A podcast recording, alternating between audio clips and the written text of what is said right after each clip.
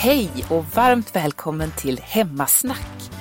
I den här podden får vi lyssna på barns frågor om den kristna tron och svara på frågorna gör teologen Martin Helgesson. Vi hoppas att det här kan vara till inspiration för både föräldrar och barn till att prata tro i hemmet. Och det är SALT, barn och unga i EFS som står bakom podden. Välkommen till Hemmasnack. Då önskar jag er varmt välkomna tillbaks till podden Hemmasnack. Och nu var det ett tag sedan vi sågs i det här gänget, så att, eh, vi kan väl bara påminna oss vilka det är som sitter här. Så vem har vi till höger om mig? Märta. Eh, Josef. Och jag heter Martin. Och Martin är ju som vanligt vår husteolog som är med och svarar på era kluriga frågor som kommer här från vår egen panel. Och jag heter Marie som är med. Eh, och vi snackade här precis lite innan om att det, ja, men på sistone har det varit lite diskussioner i media om det här med kan man prata om tro i familjen eller blir det dåligt eller hur påverkas man egentligen? Ja, vi sa väl att i den här podden så tycker vi att det är viktigt att man kan diskutera tro, att man får utrymme att ställa sina frågor och att det, man får vända och vrida på saker och ting. Har ni några tankar om det? Kan det bli fel när man diskuterar tro eller tycker ni att ja, men det finns faktiskt utrymme för frågor att få lyfta fram sina egna tankar om, om Gud och sånt? Men jag håller med att man borde kunna få prata om tron i hemmet utan att det ska bli dåligt. Mm. Sen beror det ju på vilken miljö man är i när man pratar om tron, om man, när man pratar om sin tro. Mm. Mm. Om man är på ett ställe där man vet att det kanske är folk som är emot det, då Mm. kanske man inte direkt borde prata om det supermycket. Men om man är i ett område där folk respekterar det och vissa till och med har samma åsikter, då kan man prata om det lite mer. Mm, så det kanske är lite olika tryggt att prata om Mm. tro. Just det. Ja, men jag tänker att det borde vara en målsättning för eh, oss alla att få ett mer avspänt förhållande till att prata om, om tro. Och det är naturligt i en familj eller en gemenskap av människor som tycker någonting är viktigt, att man pratar om sånt man tycker är viktigt och intressant. Mm. Eh, och det finns eh, Ja, men I Sverige tänker vi lätt att oh, det där är så privat och så personligt. Det blir bara jobbigt att prata om. Men eh, jag tycker att vi eh, alla kan eh, andas lugnt och långsamt och prata öppet. Och man får tänka högt och pröva tankar. Och Mm. Det är inget konstigt med det. Nej, just det, utan att alla frågor får plats på något vis. Ja, det är bara positivt. Mm. Frågor är alltid en chans att lära sig. Ja, det känns i alla fall som att vi lär oss mycket i den här podden. Jag tycker att det är jättekul att diskutera med er, så att det, det är kul att vi får ses igen. Och just den här gången så kommer vi snacka om, eh, återigen, vi har ju pratat om lite tunga frågor förut också och vi har pratat om eh, en del om himlen förut vet jag. Den här gången kommer vi snacka lite både om himlen och helvetet och lite så här, vad som händer när man dör. Så jag tänkte att vi kan ju börja med din fråga som du hade Märta där. Vad var det du funderade på? Ja. Ehm, kommer judarna till himlen när de dör? Jag tänker, eh, de tror inte på Jesus, att han är Messias. Så, eh, och i Bibeln står det att Jesus är vägen till himlen. Hur eh, kommer de då till himlen? Bra fråga, Marta. Så en första sak att säga kan ju vara att när vi pratar om judar så pratar vi om, det är ett och samma ord som kan användas både om en folkgrupp och om människor som har en specifik religiös tro. Eh, och det kan vara bra liksom, när man ställer en fråga eller funderar, så att säga, vad, vilket är det vi pratar om just nu?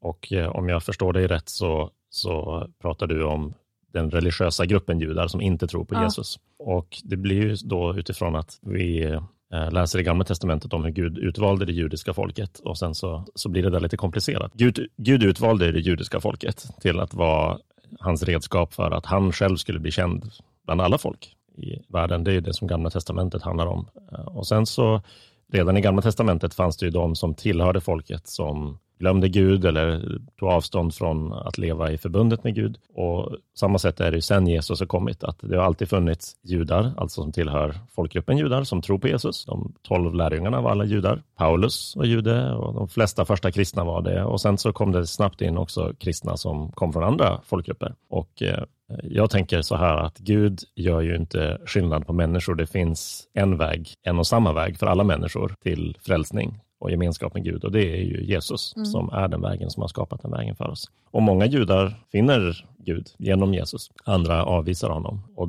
där tänker inte jag att det är någon principiell skillnad mellan judarna och andra folk. Samtidigt så finns det ställen i Nya Testamentet där Paulus till exempel i Romarbrevet liksom diskuterar frågan, men ska, har Gud någon särskild plan för det folk som han en gång valde. Och han säger där att det faktum att en del judar avvisade Jesus, det kommer göra att andra folk tar chansen att ta emot Jesus. Och det är det han fick börja se och det vi har sett i 2000 år nu, hur, eh, hur evangeliet når till fler och fler platser och folk. Men Paulus säger också att det en dag ska göra att det judiska folket mer som, som helhet så att säga, vaknar upp och kommer tillbaka till Gud genom Jesus. Så det är ju en spännande framtid att hoppas på och se fram emot. Men i nuläget annars så tänker jag att det är likadant för judar som för människor av vilken bakgrund och, för den delen vilken religion som helst. Att eh, det är inte sådana typer av mänskliga kategorier eller etiketter som avgör, utan det är Jesus det handlar om. Men med judarna,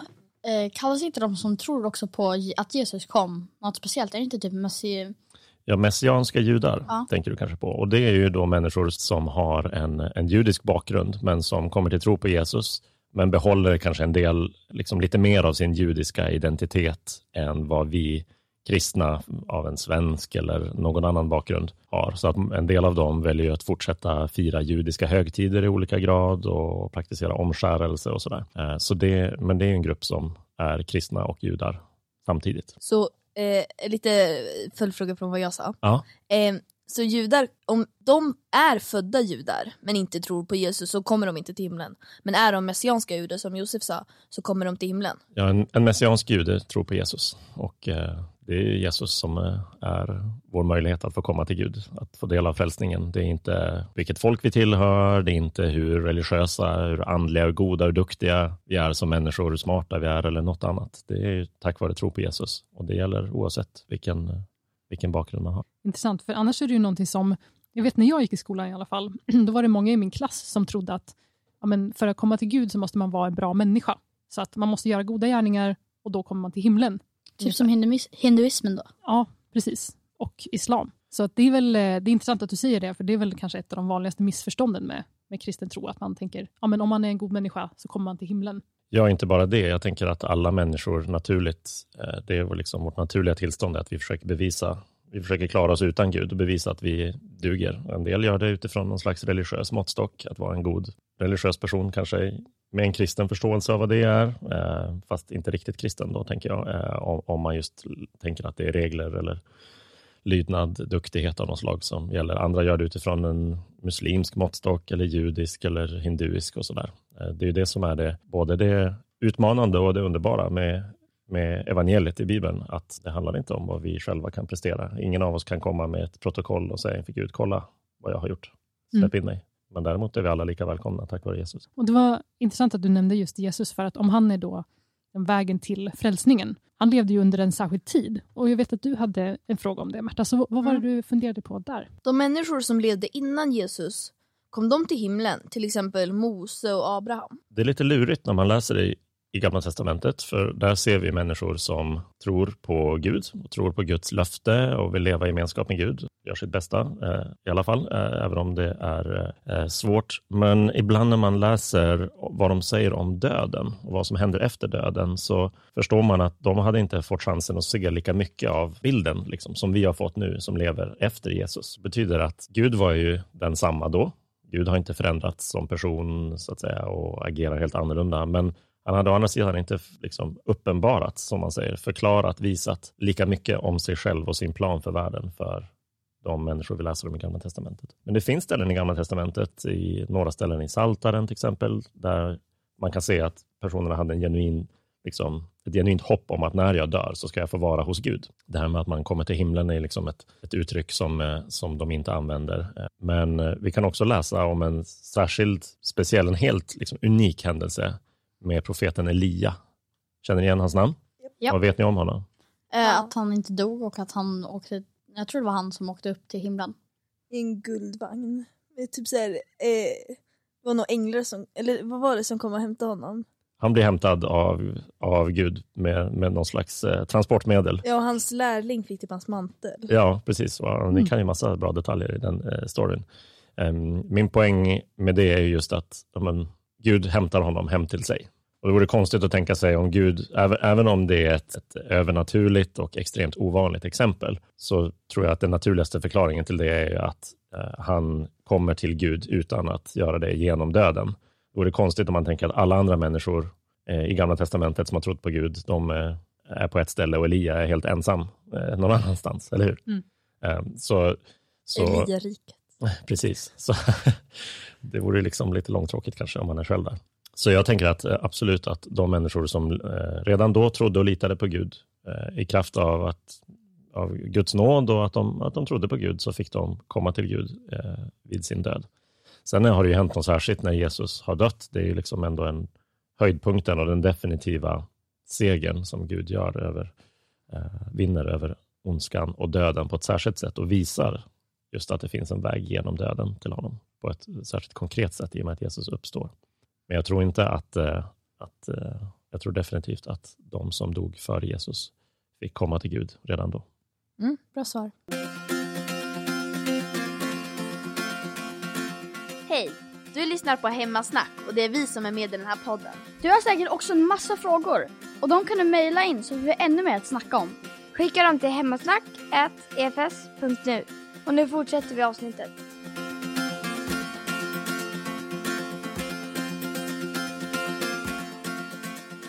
En del, jag vet inte om det är besläktat, men en del säger ju att, att eh, det är för att Jesu död, alltså att han dog eh, vid en tidpunkt, gör ändå att det får effekt bakåt i tiden. Att även om det hände vid en viss tidpunkt så det, får det inte bara effekt för allting som hände efter och de som levde efter Jesus. Men hänger det ihop med det, eller vad tänker du om det? Ja, alltså det man tänker på då är att det finns i Gamla Testamentet hela det här systemet med offer av djur, där Israels folk för att man eh, bar på synd i sitt liv så skulle man eh, offra djur och deras död eh, skulle så att säga träda in istället för min egen död. Så att även fast jag har synd i mig och synden skiljer mig från Gud så skulle jag inte behöva bli slutligt separerad från Gud därför att någon annan, ett djur i det här fallet, har, har liksom burit eh, eh, det straffet istället. Samtidigt så, så eh, kan man säga att de här offren fick göras om och om igen och, och man kan ju verkligen bara fundera på, kan ett djur, det är tydligt redan i Gamla Testamentet att människan har en särskild plats i skapelsen, kan ett djurs liv ersätta ett människoliv? Och eh, Hebreerbrevet i Nya Testamentet säger just det, att men, det här var liksom en, en tillfällig lösning. Det är Jesu slutgiltiga offer som allt det här pekade fram emot. Därför att Jesus var verkligen människa, hans liv, och han var människa och han var dessutom Gud som blivit människa för vår skull. Så hans liv kan liksom, och hans död kan en gång för alla ta hand om eh, synden och det straff som synden förtjänar så att vi slipper ta det själva. Så att på något sätt kan man ju tänka att det har effekter. Jag, jag tänker att det offersystemet i Gamla Testamentet, Gud hade nog inte befallt det om han inte hade planen om att Jesus en gång skulle bli det perfekta offret. Mm. Men det är ju svårt det där att röra sig framåt och bakåt i tiden och historien, för historien går ju alltid bara åt ett håll och vi vet inte alltid eh, alla svar, även fast vi kan eh, liksom titta på det i efterhand. Så här. Nej, just det. Eh, en fråga dock om djur. Mm. När djuren dör, åker de till typ himmelriket också, också då? Typ där vi människor också kommer då? Eller kommer de någon annanstans? Ja, frågan är om de kommer någonstans överhuvudtaget, hur mycket vi ska tänka om, om djur som på något sätt personer med en, en ande eller själ som existerar eh, och som fortsätter och kan existera efter döden. Här har vi inga tydliga svar i Bibeln. Vi, skulle jag säga, har ju ett mänskligt perspektiv i Bibeln. Bibeln handlar om människor, skriven för oss människor. Den Av ger oss oss människor.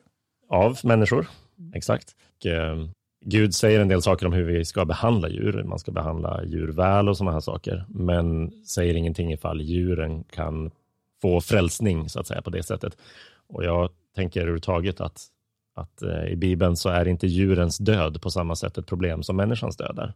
Alltså när, när synden kommer in i skapelsen genom människan så, så dör människan och det verkar vara någonting helt nytt. Men det står aldrig rakt ut att djuren inte dog före det eller så. Så jag, jag tänker ju att det kommer finnas djur i den skapelse som Gud en dag ska återställa och upprätta. Men om det är samma djur, samma personer, är jag mer tveksam till. Typ om jag hade en hund och så dör min hund och sen så när jag dör och jag kommer upp till himmelriket, är hunden också där då? Eller? Jag vet inte hur vi skulle kunna ge något säkert svar på det. Men eh, det kommer säkert finnas djur där. Gud har ju skapat djuren och en del, en del av det Gud i skapelsen kallar för något gott. Och jag tänker att alla djuren med sin, sin mångfald av utseenden och beteenden och allting är liksom en, eh, en uppvisning av Guds kreativitet och Guds egen skönhet och storhet, precis som resten av naturen är. För i Bibeln, då, då har jag läst någonstans, jag minns inte exakt vars, att eh, då så är lejonen ska leka med lammen och, utan att skada dem och så. Ja, precis. Det finns en sån, en sån vision i, i Jesaja i det elfte kapitlet och en del har förstått det bokstavligt som att det handlar om just djur och hur det kommer vara den dag Gud återupprättar skapelsen. Då kommer det inte finnas några rovdjur och lejon och lamm och, och alla andra pojkar kan eh, leka bland ormar och eh, allt vad det står. Jag hoppas jag inte hittar på alla de här bilderna. Men, men det är ungefär... Hur tolkar du det? Nej, men saken är den att ofta på den här tiden, och man kan se det på andra ställen i Jesajas bok, så används djur som symboler för olika folk. Och lejon kan symbolisera just folk som eh, de stora världsmakterna som livnär sig genom att eh, förtrycka och invadera och kriga mot mindre folk.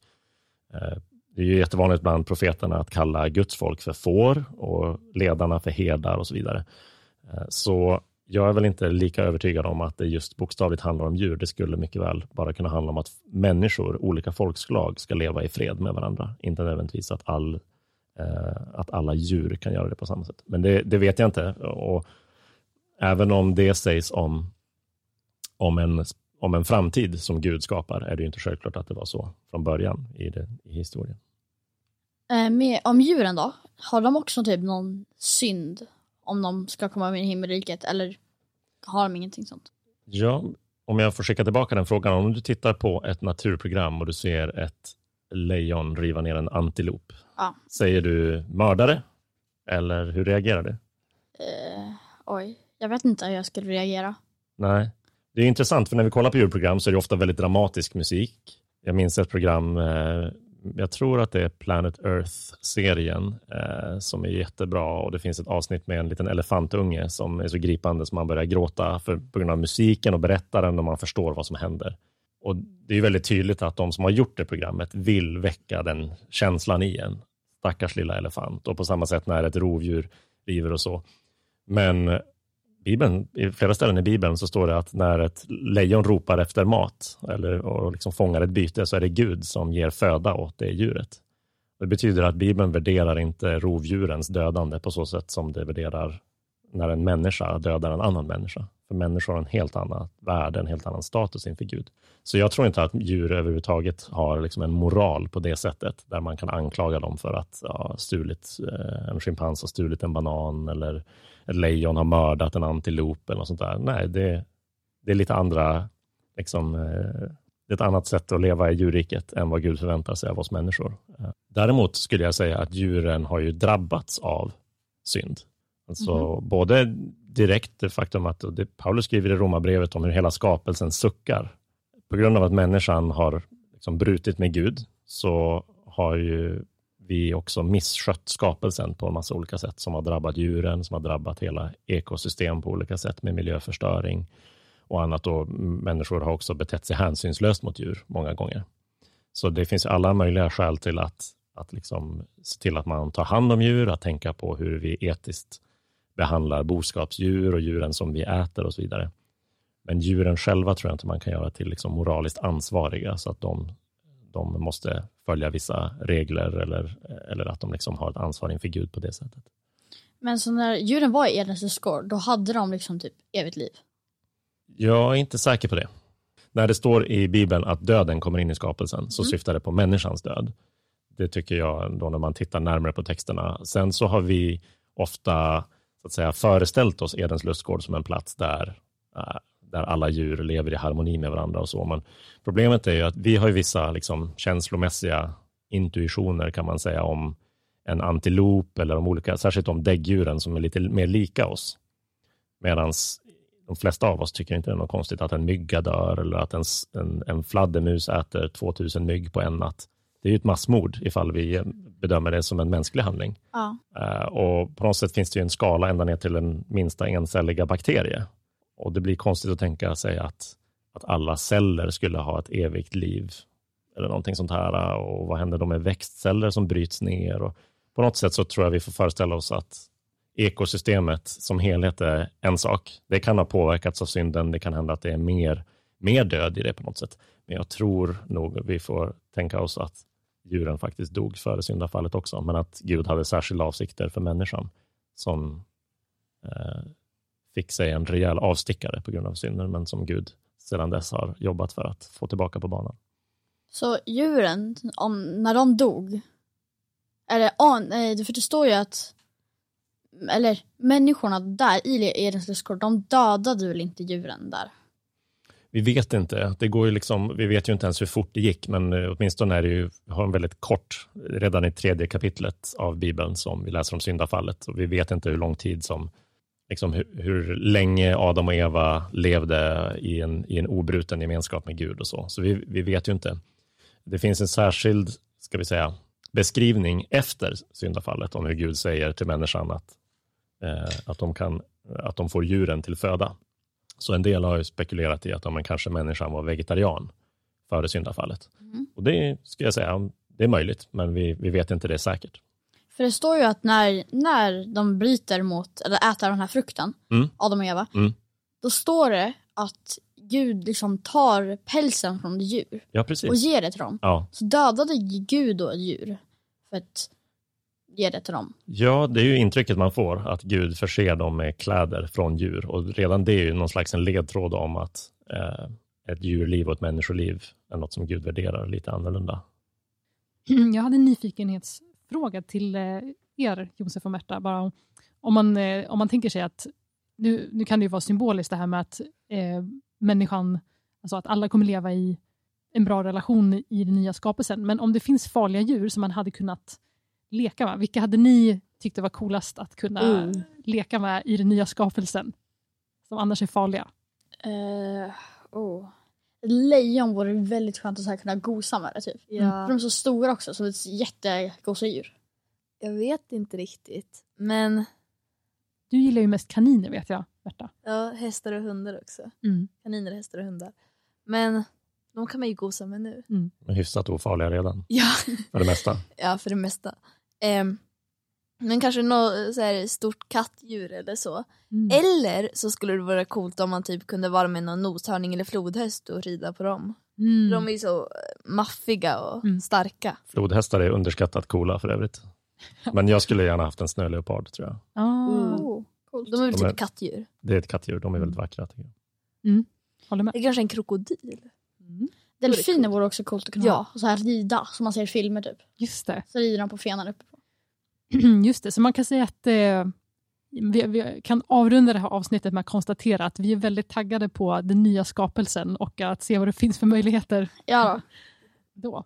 Ja, väldigt kul att eh, höra era tankar och Mm. det här avsnittet blev ju både lite eh, tema på himlen, den nya skapelsen och även djur, vilket var kul. Så tack för den här diskussionen så Ja. hörs vi nästa gång. Hej då! Så roligt att du har lyssnat på Hemmasnack. Nu har även du som lyssnare möjlighet att ställa dina frågor till Martin. Maila gärna frågorna till hemmasnack snabel-a efs.nu.